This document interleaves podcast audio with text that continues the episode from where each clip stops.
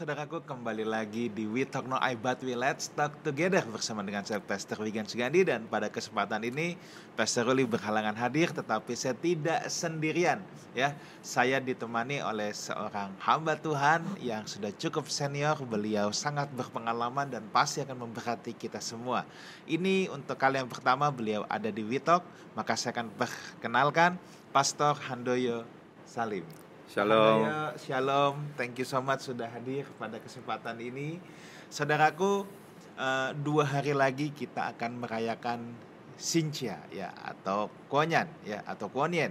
Dan makanya Pak Handoyo sudah pakai congsam begini ganteng ya tapi saya sedang tidak ada congsam nih jadi saya tidak pakai congsam dulu ya tetapi sebelum saya eh, memulai pembicaraan kita perbincangan kita ada baiknya saya menyapa dahulu Bapak Ibu Saudara baik yang menyaksikan acara ini lewat YouTube channel Life House Community maupun dari MNC Live Channel secara tunda, saya ucapkan selamat bergabung, selamat belajar dan sambil menikmati obrolan santai kita pada kesempatan ini. Dan sebelumnya dua hari lagi kita akan merayakan Sinja, maka tidak ada salahnya saya harus mengucapkan dulu kungsi facoy. Pak, ini sebenarnya kungsi Kyonghi atau apa sih Pak? Kalau yang betul Pak, saya agak bingung nih Pak. Nah, kalau Ya, kalau Kyonghi itu sebetulnya adalah bahasa Hokkien, Pak. oke. Dan perlu Bapak ketahui kebanyakan perantau itu awalnya yang datang dari daratan Tiongkok itu adalah orang-orang Hokkien. Oke. Jadi di Indonesia ini, khususnya di Jakarta, kalau dengar kata cepek, nope, gope, Iya. ceceng, nah itu asalnya dari bahasa Hokkien. Jadi itu bukan Mandarin ya? Bukan. Jadi Kalau Mandarin, bilang Kyonghi itu Hokkien tuh Pak. Hokkien jelas. Oke, kalau Mandarin Kalau Mandarin kungsi. kungsi. Iya. Oke. Mirip-mirip bunyinya. Tetapi Oke. kungsi itu udah men- merupakan suatu bahasa nasional seperti bahasa Indonesia gitu. Tapi bukan kongsi ya berarti ya. Kalau kongsi itu joinan. Iya, kalau kongsi kongsi besar gitu, Pak. Iya. Ada di kota gitu. Iya, oke. Nah, saudaraku, sebentar lagi kita akan merayakan Imlek ya. Dan setiap kali menjelang Imlek selalu ada saja yang bertanya sama saya, Pastor boleh nggak begini, Pastor boleh nggak begitu, Pastor boleh nggak kita ikut ini, ikut itu dan lain sebagainya ya. Itu eh, itu sebabnya kita mau ngobrol-ngobrol santai, saya mau tanya-tanya nih ya sama Pak Handoyo tentang Imlek ini pasti beliau ini ahli dan jago ya. Oke baik tanpa panjang lebar lagi, Pak Handoyo saya mau nanya lagi nih sebenarnya Imlek atau Sinja itu Imlek itu apa ya? Sinja itu apa Pak? Kenapa orang bilang Imlek Sinja gitu? Xinjia itu kan sebetulnya juga bahasa dari Hokkien, Oh Pak. Hokkien juga. Nah, sebenarnya Sinyen, Pak. Oke. Jia itu tahun, Sin itu baru. Oke. Jadi Oke, tahun baru kalau di daratan Tiongkok itu mereka menyebutnya sebagai awal daripada musim semi. Mm-mm. Makanya kalau di Singapura menjelang Imlek atau sesudah Imlek itu atau di negara-negara di Asia Tenggara ini ada yang namanya festival musim semi. Oke. Nah, itu adalah untuk ikut merayakan acara Iya. tahun baru atau Sinca itu yang disebut oleh orang-orang di Jakarta ini. Oke, baik. Jadi harusnya begitu ya. Nah, eh, begini Pak, pasti banyak orang yang bertanya-tanya nih Pak, kalau menjelang Sinja itu ya. Sorry Pak, kalau Imlek itu apa Pak? Sebelum saya beralih, tahu nggak kenapa ada kata Imlek? Imlek itu kan bahasa Indonesianya Pak ya. Oh, Kalau bahasa Mandarinnya, Hmm. Mandarin ini Pak, Yinli. Oke. Yinli itu adalah sebetulnya perhitungan tahun yang dimulai oleh Confucius. Oke. Oke. Jadi kalau orang di Indonesia ini sebutnya Imlek. Oke. Kedengaran kalau Yinli mirip kan Pak? Nah, Imlek itu saya juga nggak tahu bahasa orang Indonesia menyebutnya Imlek Heeh. atau apa. Tapi kita oh, ini sebetulnya sebutnya Sinja gitu Iya. Pak orang-orang Tionghoa ini. Ya. Nah, Pak, saya kan kurang paham nggak Pak ya kalau budaya-budaya eh, Imlek Sintia gini ya. Tapi dari kecil keluarga kita termasuk yang merayakan ya. Dalam budaya yang cukup ya boleh saya katakan cukup lumayan totok lah Pak ya. Mm-mm. Ini on top of my head apa yang saya ingat ketika saya kecil ya. Misalnya kalau orang tua kasih angpaunya itu satu hari sebelumnya malam. Karena katanya itu kalau nggak salah namanya lise, kata. lise, lise. Lise. Katanya kalau orang tua kasihnya itu bukan di hari haknya, tapi malamnya. Itu kayak penyelip umur atau apa gitulah. Ini kan budaya-budaya ya. Terus yang saya ingat dulu kalau malam Sinja itu lampu nggak eh, tidak boleh dimatiin. Betul. Semua harus nyala. Lalu udah dipesenin pagi-pagi tidak boleh nyapu. Wah, Ya. pokoknya yang gitu-gituannya banyak tuh, Pak. Lala-lalanya tuh banyak banget, Pak. Mesti gini, mesti gitu. Tetapi yang saya ingat ketika masih kecil dulu, Imlek itu satu hal yang sangat membahagiakan, ya. Selain anak kecil dapat angpau tentunya ya, tetapi yang saya ingat adalah ada hal positif, Pak, yang menurut saya dari kecil itu adalah ketika Imlek itu dari malam Imlek selalu semua kumpul keluarga besar. Rasanya sulit. Kita semua bisa kumpul rame-rame kecuali pas Imlek, Pak. Betul. Ya. Jadi eh, satu hari sebelumnya kumpul, kebesokannya kumpul lagi, bahkan kebesokannya eh, kita bisa bertemu dengan hampir semua keluarga deh gitu.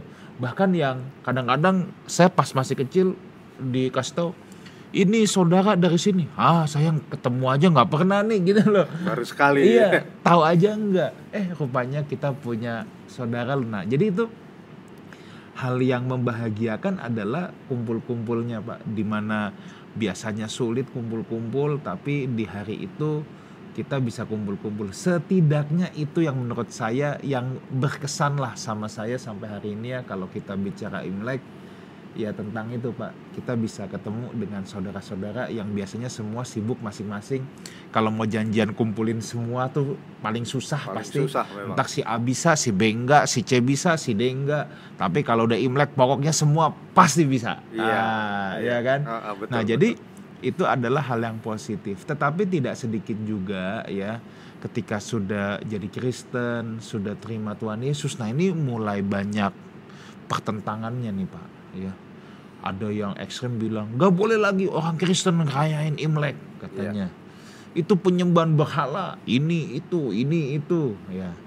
Ada yang bilang enggak kok Imlek tetap boleh. Nah, kita mau tahu nih Pak, sebenarnya kenapa sih Pak sampai banyak pertentangan itu? Nah, ini menurut Pak Handoyo gimana nih Pak? Baik. Hal seperti itu sebetulnya terjadi juga di dalam keluarga saya ya. Iya, Karena kakak kedua saya itulah yang pertama-tama ini jadi Kristen. oke. Dan di rumah itu ada meja abu, Pak. Ya, Hmm. Bapak pasti tahu lah. Iya, meja iya. sembahyang. Iya, kalau Imlek itu udah pasti tuh. Ah, itu udah Hmm. pasti penuh dengan makanan itu, Pak. Iya. Makanan yang biasanya nggak pernah disajikan itu akan keluar di situ. Iya. Bahkan seingat saya udah mulai sembayang dari sebelum hari Imleknya ya Pak ya. Betul, ada Iya. beberapa hari Iya. yang melakukan ritual seperti itu Iya. dan di tetangga saya bahkan lebih ekstrim. Dia Iya. pasang meja di depan, di depan meja seperti ini ada tiga kursi. Saya nggak pernah tanya ini tiga kursi untuk apa, Hmm. tetapi di di di atas mejanya itu banyak tersaji makanan-makanan atau buah-buahan. Iya. Yang paling sering adalah buah jeruk. Nah, mungkin Pak Wigan tahu kenapa harus buah jeruk nih? Nggak tahu juga Pak. Nah, ini memang kalau Imlek banyak jeruk deh. Iya, saya dulu berpikir begini Pak Wigan. Buah jeruk itu pas musimnya di Tiongkok itu lagi produksinya lagi banyak-banyaknya, makanya kan itu produk itu dan diekspor keluar Iya. dari Tiongkok. Nah, di kebagian di Indonesia. Tetapi sesungguhnya buah jeruk itu kan memiliki warna apa, Pak? Orange, kuning. Orange, kuning. iya. Kuning itu melambangkan apa kalau Emas. logam yang mahal? Emas. emas kan? Iya. Nah itu orang Tiongkok paling suka. Soalnya ini apa? Lambangnya apa? Lambang keberuntungan, lambang kekayaan. Wah, pantesan kue nastar juga ya. Ya. Nah, itu kan emas semua tuh Nah. maknanya tuh. Justru di situ Pak, Iya, Bu- iya, jeruk iya. itu harus ada. Lagi pula jeruk di dalam bahasa Mandarinnya Pak, itu bunyinya ya Pak, yang namanya homonim, Bapak tahu kan? Homonim artinya hurufnya beda, bunyinya sama. Nah jeruk itu ada cucu. Hmm. Jadi ada kebetulan yang namanya bukan kebetulan karena homonim. Jadi bunyinya sama, tulisannya beda, tetapi diartikannya itu adalah sebuah keberuntungan. Iya.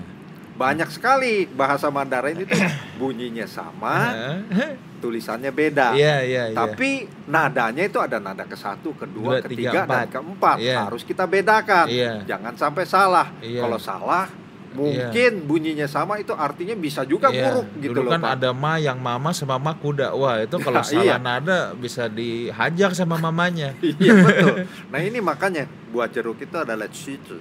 Dan itu adalah sebetulnya kalau di dalam eh, di dalam bahasa Mandarin itu ada empat huruf yang ditulis biasanya di depan angpau itu Mm-mm. taci tali. Nah itu di situ Iya. kurang lebih Heeh. kurang lebih itu maksudnya pak keberuntungan. Taci tali. Iya, Iya, saya sering ya. dengar tuh itu. Terus ada lagi angpau itu tulisannya fu.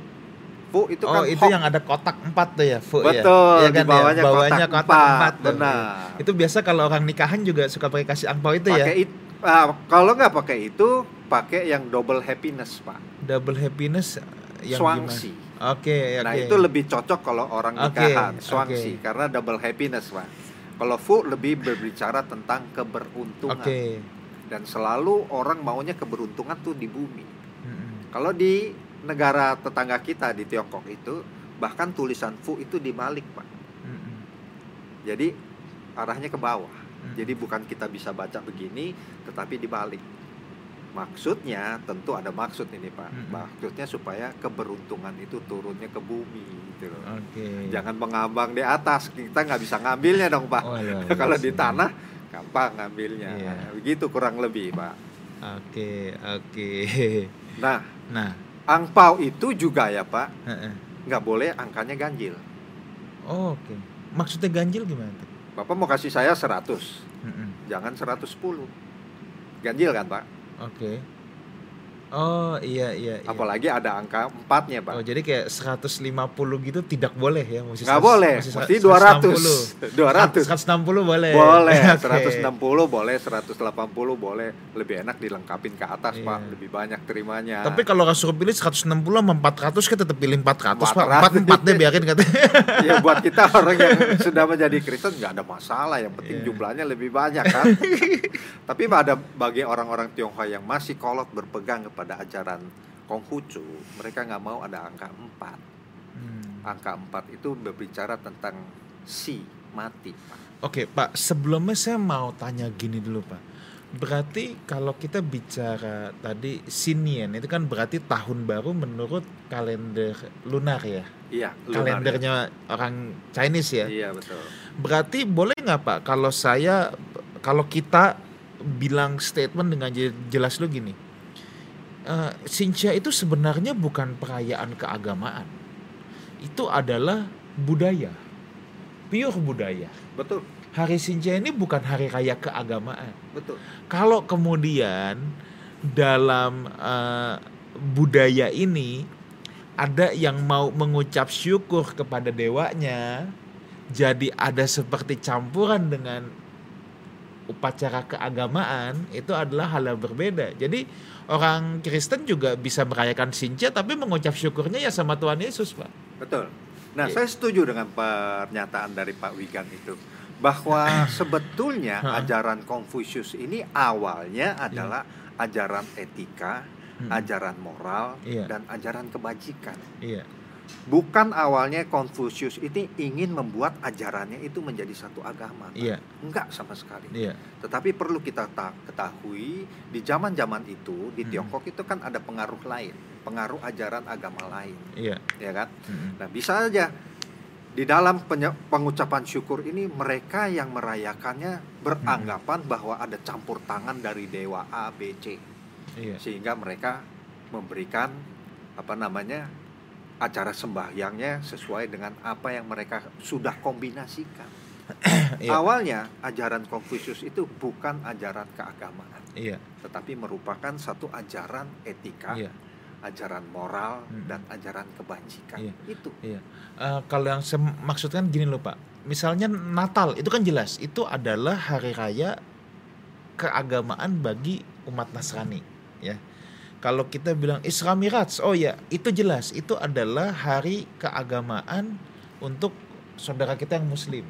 Hari Waisak untuk yang Buddha. Tapi kalau kita bicara Sinja Imlek itu sebetulnya bukan hari raya keagamaan kan, Pak? Bukan. Nah, sama iya kan. sekali. Poinnya itu ya. Ha-ha. Nah, jadi saudara kita harus clear dulu nih. Imlek itu bukan hari raya keagamaan. Bukan. Jadi kita jangan berpikir, wah kalau merayakan Imlek murtad nih, masa ngerayain agama lain? Oh tidak, tidak Iya, ya, iya, tidak, tidak.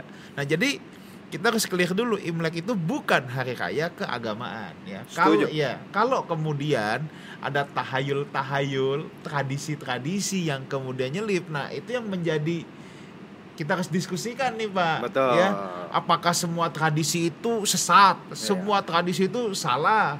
Apakah orang Kristen mesti alergi kalau dengar kata tradisi udah uh udah deh bersin-bersin pokoknya uh menolak keras atau harus gimana nih Pak kalau sama tradisi Pak? Nah, kalau di dalam bahasa Mandarin ya Pak, Iya. budaya itu adalah bahasa Mandarinnya wenhua, Pak. Iya. Itu menunjuk kepada uh, budaya. Mm-mm. Jadi jangan dicampur antara budaya dengan satu kepercayaan. Mm-mm. Kalau kepercayaan kita bicara tentang keimanan. Iya. Keimanan di dalam bahasa Mandarinnya jelas beda, Pak. Sin sing.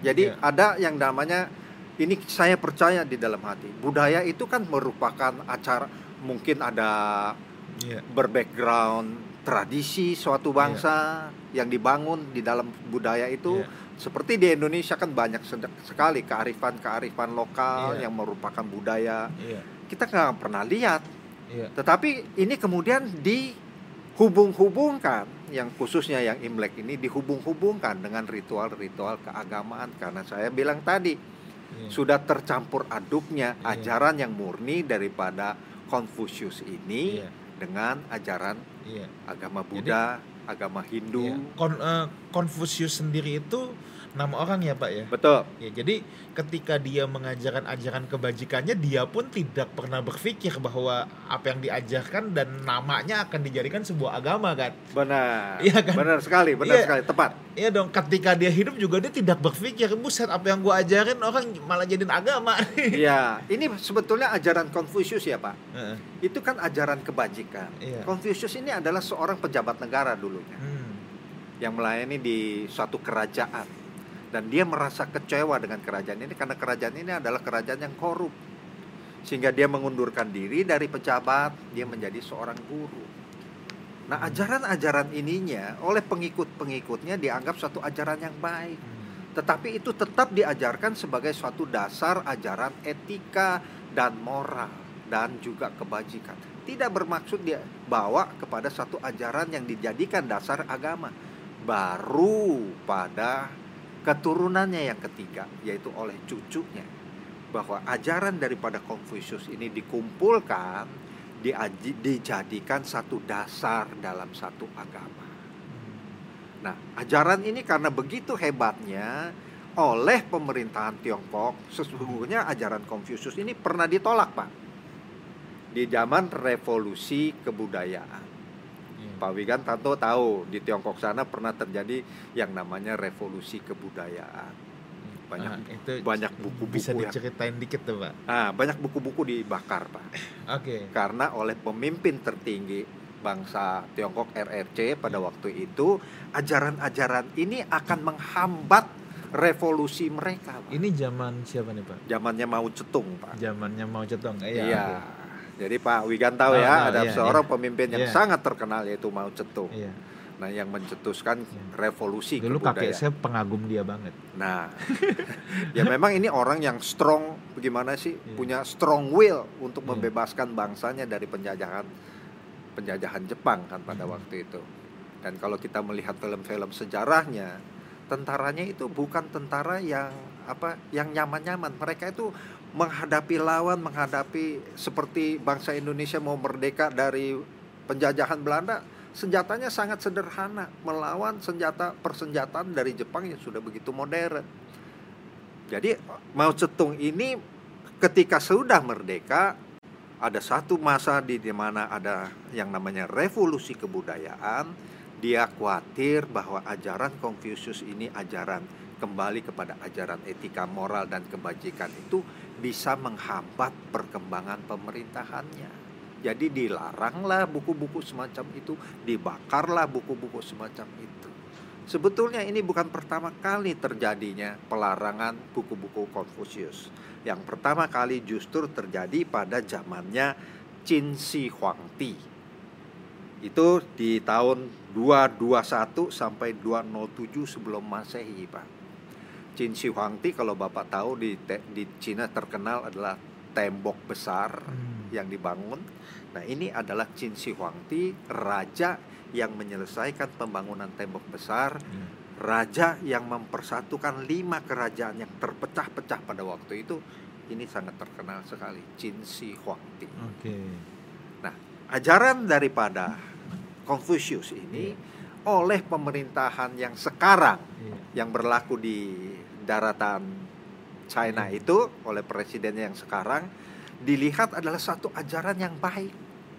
Oleh karena itu, oleh Presiden Xi Jinping, akhirnya ajaran daripada Confucius ini diambil kembali supaya untuk bisa mengajar rakyatnya hmm. menjadi suatu dasar ajaran, bukan agama, Pak, bukan iya. agama. Ya, oke. Nah, Pak, saya pengen bilang begini dulu nih, Pak, ya. Memang kita tidak bisa pungkiri bahwa uh, kekristenan yang kita kenal hari ini ya ini banyak sumbernya itu dari barat pak pada umumnya ya. Kalau kita ambil garis besar kekristenan kan ada timur atau ortodoks ada barat ya. Ortodoks juga masih ada saudara tapi memang tidak banyak kita jumpai khususnya di Indonesia ya. Tapi ada ya. Nah Uh, karena dari barat bagaimanapun barat itu cenderung kenapa sih nggak saya tuh pengen cerita kenapa sih Imlek itu sering dikesankan orang sesat? Karena budaya-budaya kita itu dalam kekristenan itu kebanyakan ambil dari budaya barat. Sedangkan barat itu pak itu punya kecenderungan dalam tanda petik nih kadang-kadang suka nyala-nyalahin suka sesat-sesatin apa yang di luar budaya dia saya kasih contoh nih pak kenapa begitu banyak budaya Imlek yang ditentang. Sedangkan budaya lampu pohon Natal nggak ada yang tentang. Lah, lampu pohon Natal itu juga budaya loh, Pak. Iya. Yeah. Iya kan? Tapi when it comes from the western, ketika ini datang dari barat, kita asik-asik aja kan? Kita pakai pakai aja gitu. Enggak, saya tidak menentang lampu pada pohon Natal, Saudara ya. Enggak, saya ini cuma sedang mau memberikan sebuah gambaran dan pandangan yang berimbang, Pak. Ya supaya kita jangan jadi alergi kesannya semua budaya Imlek sesat salah berhala enggak saudara ya ini yang kita bahas nih entah banyak budaya yang kita mau bahas jadi saudara tahu mana yang saudara boleh ikutin mana yang enggak tapi basicnya dulu tadi kita udah sepakat ya bahwa Imlek itu bukan hari raya keagamaan Dua, kita jangan punya sesat pikir kesannya semua budaya Imlek itu setan. Enggak, jangan gitu saudara ya. Sebab uh, jangan karena memang budaya Imlek ini ya udah pasti budaya timur semua. Tidak ada budaya baratnya sedikit pun ya. Saya harus ingatkan kekristenan yang hari ini dijalankan itu juga banyak kok yang pakai budaya barat. Oh iya, sangat apa banyak sekali pakai budaya barat. Dan kita seakan tidak mempersoalkan itu dan menurut saya juga tidak perlu dipersoalkan kan. Hiasan pohon Natal mah mau apa kek? Ya biarin aja gitu. Natal sendiri pakai pohon bentuk cemara aja itu kan juga ada part of the culture gitu. Itu kan bagian dari budaya. Nah jadi saya tuh cuma mau ajak uh, kita bisa melihat ini secara berimbang saudara ya supaya kita jangan kalau uh, semua budaya dari barat kita terima. Pokoknya kalau budaya dari timur sesat. Nah kita harus punya pandangan yang balance nih ya. Oke Pak, kita mau teruskan lagi Pak. Nah, saya juga mau bilang gini Pak ya, bahwa kita itu harus menyadari sebagai manusia, bagaimanapun hidup manusia itu tidak bisa dilepaskan dari budaya yang melingkupi dan membentuk kita. Setuju. Iya, yang namanya manusia itu pasti.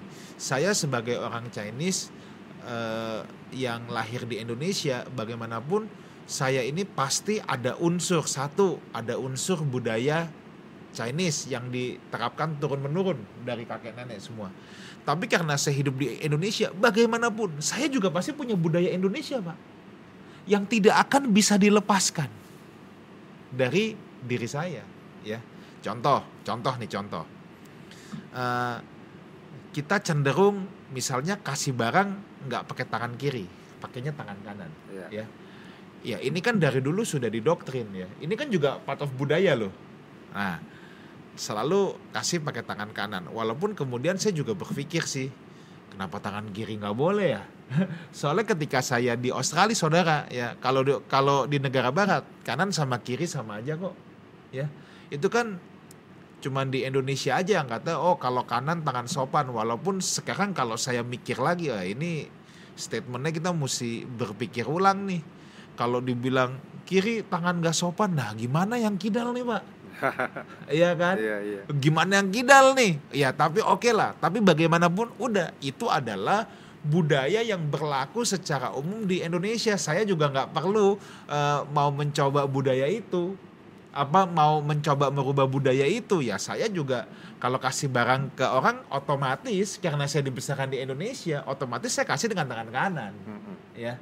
Nah, itu kalau yang saya mau bilang bahwa manusia bagaimanapun tidak bisa terlepas dari budaya yang membentuk kita ya dari kita kecil. Nah, mengubur semua warisan budaya sama dengan mengubur diri kita sendiri. Nah, persoalan itu gini, budaya atau culture itu sendiri sangat berhubungan dengan penyembahan. Sebab kebudayaan memang datang dari kepercayaan kita, ya.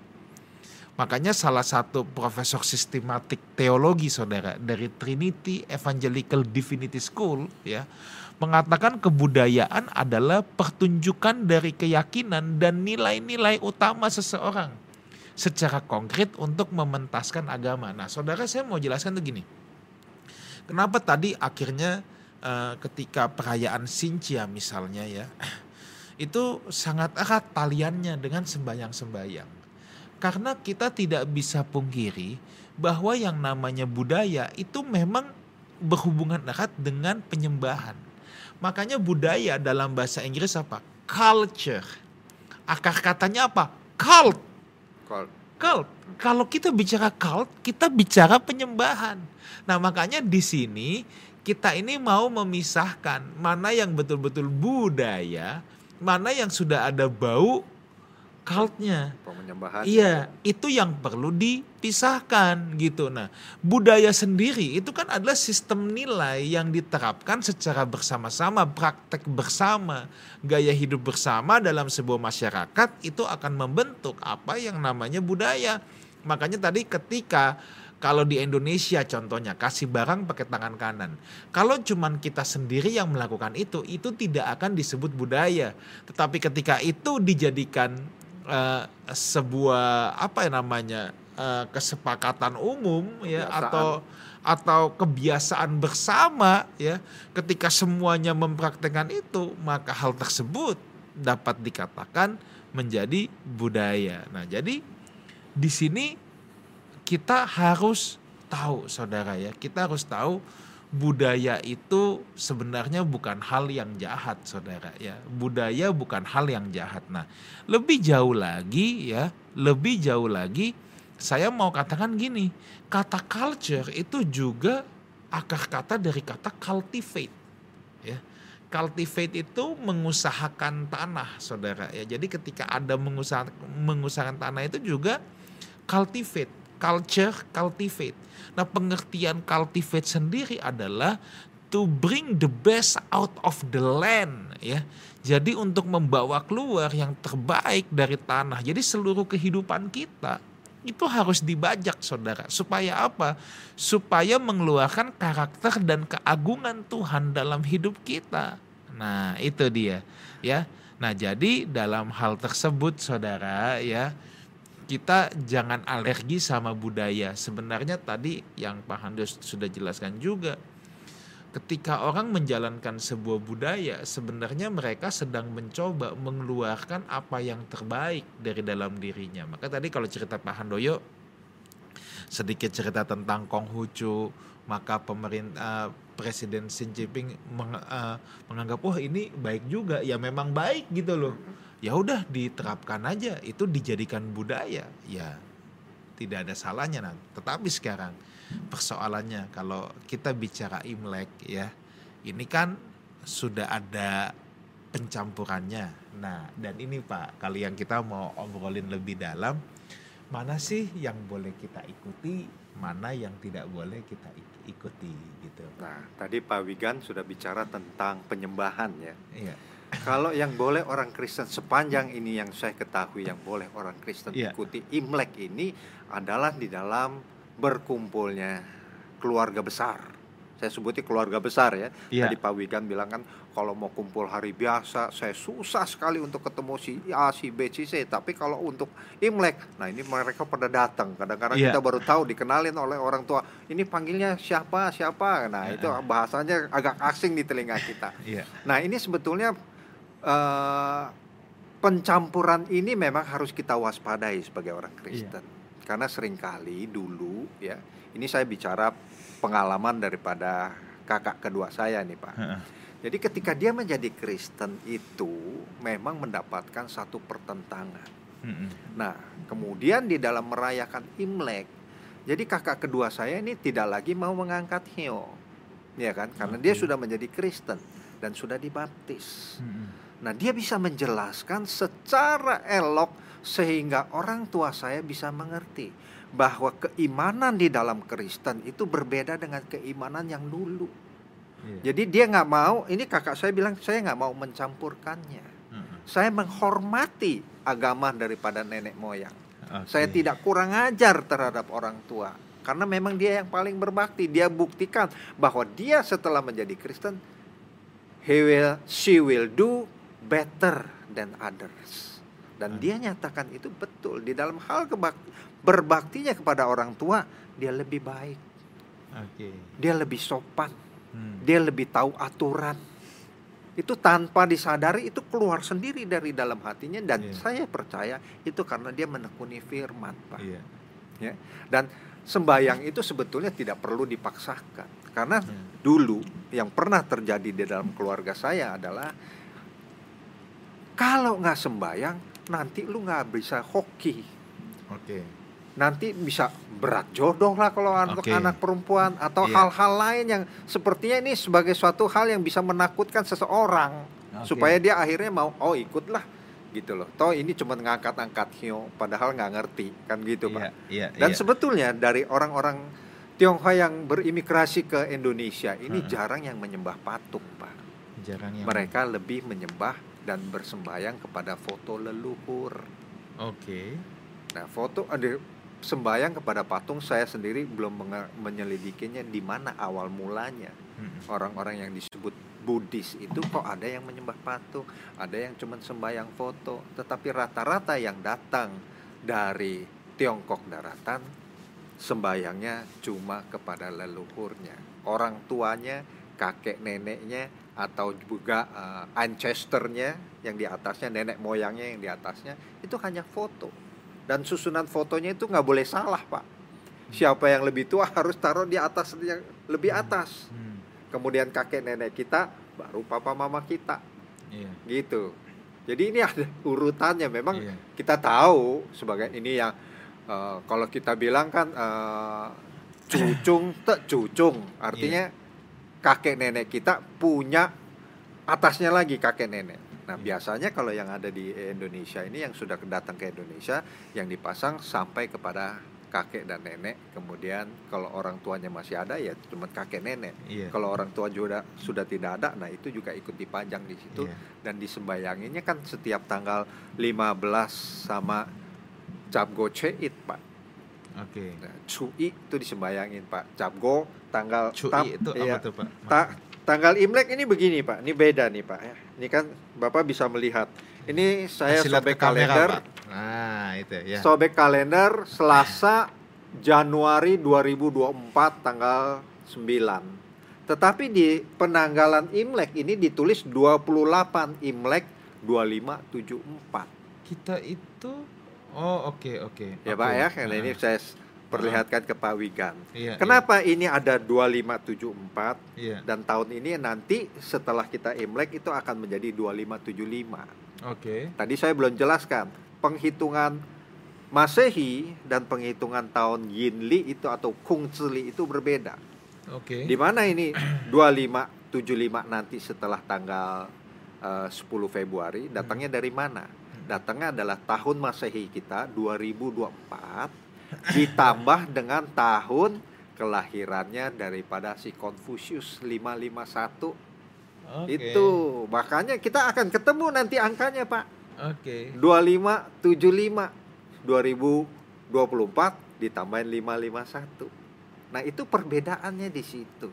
Nah orang Tionghoa yang ada di tanah leluhur itu selalu memakainya ini kalau memakai ini Pak itu mereka beranggapan lebih sesuai dengan musim yang terjadi Oke. dan jangan lupa Pak Wigan tadi saya katakan Imlek itu kalau di sana dirayakan sebagai hari pertama memasuki musim semi. Oleh sebab itu dirayak dikatakan perayaan musim semi yang berlangsung selama 14 hari. Nanti diakhirinya dalam cap gome, Pak. Nah, cap gome juga rame itu, Pak. Ya. Nah, memberikan angpau nanti berakhirnya di tanggal 14 penanggalan daripada Imlek. Setelah lewat itu, walaupun belum pernah ketemu di dalam acara Imlek ini, kita nggak harus memberikan angpau. Hmm. Tetapi di dalam masa 14 hari ini, kita kepada generasi yang lebih muda, yang patut menerima, kita bisa berikan. Ini kan menunjukkan pemberian angpau itu bahwa kita diberkati, kita mengucap syukur, kita memberkati orang lain. Dan ada di agama kita kan Pak Kristen adalah terlebih berkat memberi daripada menerima. Kan itu. Iya. iya. Jadi di Tiongkok sendiri yang dikenal ada ini adalah awal daripada musim semi dan juga musim menanam. Hmm. Nanti eh, menuainya kapan Pak? Setelah kita makan kue terang bulan tuh Pak. Oke. Nah itu ada acara dan tradisinya yang berbeda. gitu. Tapi kalau Imlek ini mereka menyambutnya dengan sukacita dengan warna-warna merah seperti apa yang ada di Nah, layar. oke. Nah, Pak, eh, kalau sembayang, kalau orang tanya sembayang boleh atau enggak, oke, itu mungkin jawabannya udah cukup obvious. Tapi sekarang gini deh, Imlek merah, congsam merah. Ya. Saya usahain nih pakai baju ya, saya nggak ada merah banget ya pink lah. Nah, kalau orang tanya, saya boleh nggak sih ikut-ikutan pakai warna merah? Di dalam Imlek. Heeh, ketika hari haknya gitu. Saya orang Kristen loh, saya boleh nggak ikut-ikutan pakai warna merah? Warna merah kan tidak berhubungan dengan keimanan kan Pak. Nah, Nah, warna itu dia. merah itu juga ada eh, kebiasaan tradisi dan budaya. Apa tuh Pak tradisi Warna budaya? merah ini menandakan sukacita. Oke. Angpau itu ang. Ang itu bahasa bahasa Okian, Pak. Ang, Oke. merah. Harusnya hung ya, hung, Hung, hung iya. pau. Ah, ah, hung pau. Pau itu dibungkuskan, Pak. Hmm. Nah, warna merah ini menunjukkan warna kesukacitaan, Pak. Iya. Sukacitanya mereka di dalam menyambut hari pertama musim semi, sukacitanya mereka orang-orang yang ada di Tiongkok daratan itu mulai musim menanam setelah musim dingin kan, Pak. Hmm. Tanaman nggak bisa hidup. Nah, mereka mulai itu dengan sukacita. Ditandakan ini sudah menjadi suatu tradisi atau budayanya orang Tionghoa. Warna merah menandakan sukacita. Kita nggak pernah melihat orang yang memakai warna merah masuk ke dalam rumah duka kan, Pak Iya. ya kan itu kan menjadi pamali mereka menjadi tabu nah ini adalah tanda satu sukacita pak Oke. I- untuk itu coba kalau bapak pergi ke Chinatown semuanya lautan merah Iya. ya ini tidak ada hubungannya Yes. dengan Yes. Nah, jadi saudara jangan alergi ya.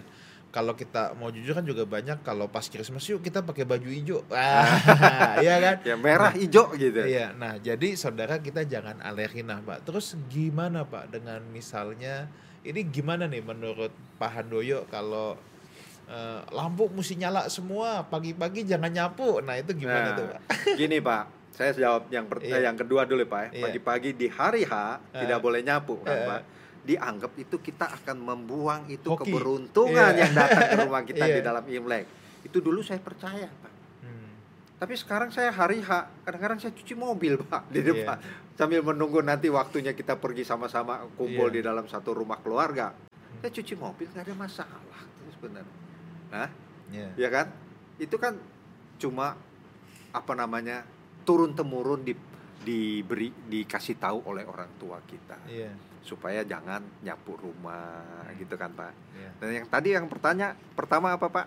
Eh, malam-malam lampu Oh semua lampu harus nyala. terang. Nah ini Pak, ini sebetulnya ada berhubungan dengan sedikit mitos ya Pak ya. Itu Mereka- mitosnya apa pak sampai lampu nggak boleh dimatiin? Kalau gelap, dewa keberuntungan nggak bisa lihat rumah kita Pak. Hmm. Oke. Jadi harus terang. Oh saya tahu nih rumah misalnya rumah Pak Wigan nomornya L berapa gitu ya. Hmm. Terang. Nah ini dewa mau memberikan keberuntungan. Oh, Kan di dalam malam itu mereka juga sembahyang kan Pak. oh, takut dewanya kagak kelihatan nomor rumah ya. Iya. Salah membahas, memberi berkat. Mungkin begitu Pak. Kalau Iya. itu menurut kepercayaan saya, Iya, apa iya. yang saya yakini Nah. begitu.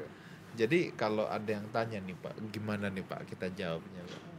Loh kita nyalain rumah terang itu kan supaya menjauhkan di rumah dari penjahat kan Pak. Kalau gelap-gelap penjahat lebih suka kan Iya. Pak. Iya. Wah, gelap nih nggak ada yang lihat. Enggak, tapi masa gini pak, kalau kalau Imlek itu benar terang benderang pak, semua lampu Bener dinyalain. semua lampu harus dinyalain supaya ini ikut namanya kesukacitaan gitu Pak. Oke. Nggak mungkin sukacita kita lampunya matiin kan Pak. Iya, iya. Ya kan? Iya, Lebih iya. kepada itu kalau saya. Ya, nah saudara saya harus katakan gini. Sebenarnya hal yang paling pertama kalau ditanya tentang lampu terang ya atau eh, hal-hal yang tadi itu ya. Nah kan ini akan ada banyak lagi nih misalnya disuruh makan kue keranjang ya Pak ya. Iya. Iya kan? Benar. Mungkin boleh cerita dulu nggak Pak tentang kue keranjang? Nah. Itu kan yang coklat-coklat lengket tuh ya iya, Pak betul ya. betul betul Coklat betul Pak. lengket manis ya. Betul betul saya sih Pak. kagak Nah, peradoyan Pak gituan Pak. Jadi saya nggak mau makan. padahal itu enak Pak. Saya nggak suka Pak. telur dulu. Oke. Jangan dimakan mentah gitu. Memang itu udah matang Iya, Pak. iya. Karena pertanyaan-pertanyaan seperti ini, saudara akan juga boleh nggak ya saya ikutan makan kue keranjang gitu ya Ah, pak ya? iya. Makan kue keranjang saya pikir orang Kristen makanlah asal jangan lupa saya juga dibagi pak. nah kue keranjang itu dalam bahasa Mandarinnya disebut nien kau pak. Nian kau. Ya kue tahunan pak. Oke. Keluarnya setahun sekali. Tetapi kau itu juga homonim sekali lagi pak. Bunyinya sama Hmm, ya. Artinya beda pak. Iya. Yang mereka maksud kaunya itu kau tinggi pak. Oke. Jadi kalau makan kue keranjang mereka percaya Iya. tahun depan engkau karirnya bisa lebih tinggi. Hmm, oke. Kalau yang percaya pendapatan atau salary-nya naik, nah mereka percaya ini nien kau semakin tahun semakin menanjak. Oke. Baik di dalam karir, di dalam mas segala macam selalu menanjak. Itu Oke. namanya nien kau. Itu Pak. Jadi kaunya beda tulisannya di dalam Hmm. Mandarin. Kalau kau yang pertama adalah kue, Heeh. ya kue tahunan. Tapi nien kau tiap tahun itu menanjak. Saya pernah baca ada tradisi lain tuh pak, kalau kue keranjang. Nah, ada lagi. Ah, Biar gimana, keluar perkataan-perkataan manis. Ini kan selalu manis, Pak? Iya, iya. Melekat selalu. Heeh. Nah, ini yang selalu mereka percaya. Oke. Kecuali daripada nien kau itu. Tapi Hmm. mereka lebih senang keberuntungan yang terus bertambah, Pak. Ini Nah, ada Saya ini pernah dengar tentang perkataan manis ada cerita mitos yang lebih lucu pak. apa itu? Kata gini betul perkataan manis tapi kalau yang tadi Pak Handoyo ceritakan kan perkataan manis keluar dari mulut kita. Mm. Kalau ini enggak pak, katanya gini pak. Nanti ada dewa yang keliling rumah Mm. katanya. Nah itu kita kasih makan kue keranjang. Supaya Iya supaya mulutnya lengket sama rasanya manis Mm-mm. katanya. Supaya nanti kalau dia pas balik ditanya sama dewa yang lebih tinggi ngomong yang bagus-bagus. Betul. Khususnya itu kalau dia lihat rumah kita berantakan ini karena mulutnya udah lengket dan manis dia ceritanya yang bagus. Benar, Ah. Pak. Itu benar. benar. Ada mitos yang Iya, seperti itu. mitos-mitos seperti itu. Nah, saudara gini saudara ya, kalau kalau apa saya mungkin boleh bilang tuh gini. Soal oh lampu semua harus dinyalain gitu ya. Saudara, hal yang paling penting adalah saudara jangan punya iman kepada mitos itu. Itu yang paling penting ya. Apa artinya jangan punya iman kepada mitos itu? Saudara ikut-ikutan tidak nyapu karena saudara takut berkat kesapu. Itu namanya kita punya iman sama mitos itu. Berarti kita punya eh, pengharapan yang lain. Kita menggantungkan iman kita kepada hal-hal yang lain, ya. Tetapi daripada saudara berantem sama mertua gara-gara urusan nyapu rumah, ya, ini kan juga nggak berhikmat, ya. Nah jadi gini, kekristenan itu luar biasa, saudara ya. Kita jangan kaku, jangan ah nggak, pokoknya gua sapu, gua harus lawan mitos ini. Akhirnya kita berantem sama mertua. Hal yang lebih buruk terjadi. Lebih buruk. Ini jadi batu sandungan. Betul. Ya. Hal yang paling penting adalah tuh gini, kalau saudara nggak ada eh, paksaan dari pihak mana pun, ya udah lakukan aja ru- rutinitas saudara ya. Yang paling penting saudara eh, apa namanya eh, tidak punya faith, tidak punya iman terhadap mitos-mitos tersebut. Itu yang paling penting. Misalnya saudara nggak ada tekanan, di hari itu karena semalam kumpul sampai malam, bangun kesiangan, pagi-pagi harus cepet-cepet beberes, harus keliling ke rumah saudara lagi. Sampai kagak sempet nyapu misalnya ya. Saudara jangan terus merasa bersalah. Waduh waduh gua ikutin mitos nih dosa nih gua. Enggak santai aja santai. Santai ya dong. Santai santai. Tapi juga jangan kalau misalnya eh, mama mertua udah pesenin jangan nyapu ya. Terus kebesokan kita tahu wah dia pasti ngecek nih besok nih ke pembantu kita. Nanti kita ditanyain lu nyapu nggak tadi waduh daripada kita jadi bohong kalau kita bilang kita nyapu kita kena omen udahlah jangan dilawan kalau yang kayak gitu-gituan ikutin aja ya toh juga kita nggak mempercayai kok kita percaya berkat itu datangnya dari Tuhan ya. Nah, betul itu, Pak. Iya kan, Betul. mau nyapu kek, mau enggak kek. Nah, jadi di situ kita perlu berhikmat, saudara Hmm. ya. Kita kita tuh sangat perlu berhikmat. Jadi eh, yang namanya tradisi itu memang sangat erat kaitan dengan yang namanya mitos, ya. Yang paling penting adalah ketika menjalankan tradisi, apa pun tradisi itu ada dua hal. Satu, jangan ada unsur penyembahan berhala. Dua, jangan punya iman di tradisi tersebut. Ya. Iman kita hanya kepada Tuhan. Kalau tradisi yang baik, misalnya kumpul-kumpul, ya nggak apa-apa, ya. Oh, kalau di kalau di keluarga saya Pak eh, ada tradisi makan apa sih yang kayak rambut nenek itu Pak? Apa itu? Kalau orang kayak bilangnya fatcoy. Acai. Heeh, jadi ada kayak satu macam sayuran gitu ya. Kayak bihun tapi bukan bihun itu dari sayuran nama facoy. Ayo semua harus makan, Makan. itu. Iya. Nah, saya makan nggak? Saya makan pak. Karena doyan. Iya. Bukan karena saya makan, saya punya iman. Wah nanti ada ada rezeki Bisa umur besar panjang. nih. Iya atau wah nanti ada hoki nih kalau saya makan. Nah itu loh persoalannya loh, ya kan? Kan ada beberapa jenis makanan yang selalu dimasak ya Pak. Iya. Iya sama lah. Kalau orang Chinese kalau ulang tahun apa? Bakmi goreng ulang tahun. Biar panjang umurnya. Iya kan? Nah, apakah kita nggak boleh makan bakmi goreng ketika ulang tahun? Ya boleh lah. Kenapa jadi nggak boleh? Tapi saudara jangan punya iman bahwa kalau saya makan bakmi ini umur saya panjang. Itu yang jadi persoalan. Iya, iya. Iya dong. Jadi makan bakminya mah nggak ada unsur penyembahan berhala di sana. Kita juga nggak beriman sama makan bakmi kok. Kita percaya umur kita ada di tangan Tuhan. Kan gitu. Betul, amin. Iya, jadi doesn't matter saudara ya. Ya, saya harap eh, saudara bisa merayakan Imlek ini dengan sukacita, dengan damai sejahtera ya, dengan jangan ada perbantahan ya, jangan sengaja menentang tradisi yang misalnya eh, mamah suruh, papa suruh, kita sengaja tentang karena kita anggap itu sesaat gitu. Nah, kita harus lihat lihat dulu ya tradisi apa sih ya. Mm-mm. tentu kalau saudara disuruh ikut sembahyang ke dewa ini ya saudara boleh menolak ya. Tapi menolaknya pun dengan hikmat ya. Bukan menolak dengan jelek-jelekin Ya. men- menolak sambil setan-setanin apa yang disembah sama mereka ya jangan saudara ya. Tetapi ada banyak hal yang sifatnya budaya mitosnya kita harus lihat dengan baik saudara ya. Eh, apa yang sebenarnya sedang dilakukan nah, ada cerita apa lagi nih pak sebagai penutup pak Nah, ini Pak. Iya. Bapak tahu kan kalau memberikan Kyonghi begini? Oh iya, itu tuh kenapa gini Pak tangannya Pak? Nah, ini Pak ada Pak. Enggak, bukannya begini Pak. Ada orang main asal gini aja. Sebenarnya ini Sebenarnya ini kiri begini. oh kiri ini gini. kanan gini. Ini jempol dua harus di sini Pak. Ini dari Oh. guru Mandarin saya ya Pak. Ini nih bukan kanan kiri gini ya. Saya Iya. tuh gini loh Pak selalu, terbalik ya. Iya, Harusnya begini. iya. Oh, Jadi itu tuh kenapa Pak. tuh, Pak? Jempol ke depan. Sebetulnya ini menurut guru Mandarin saya, Pak. Ini mewakili dunia ini. Mm-mm. Saya menguasai dunia ini. Oke. Saya persembahkan kepada kamu orang tua saya. Oke. Jadi istilahnya kalau saya memiliki keberhasilan, ini adalah karena jasa-jasa daripada orang tua, Hmm. bukan kebisaan saya.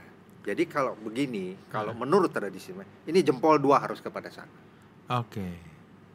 Nah ini dari guru Mandarin saya loh Pak. Iya. Dia itu orangnya benar-benar totok sekali. Jadi apa yang saya dapat dari dunia ini, saya persembahkan. Hmm. Nah, beda dengan kita kan Kristen.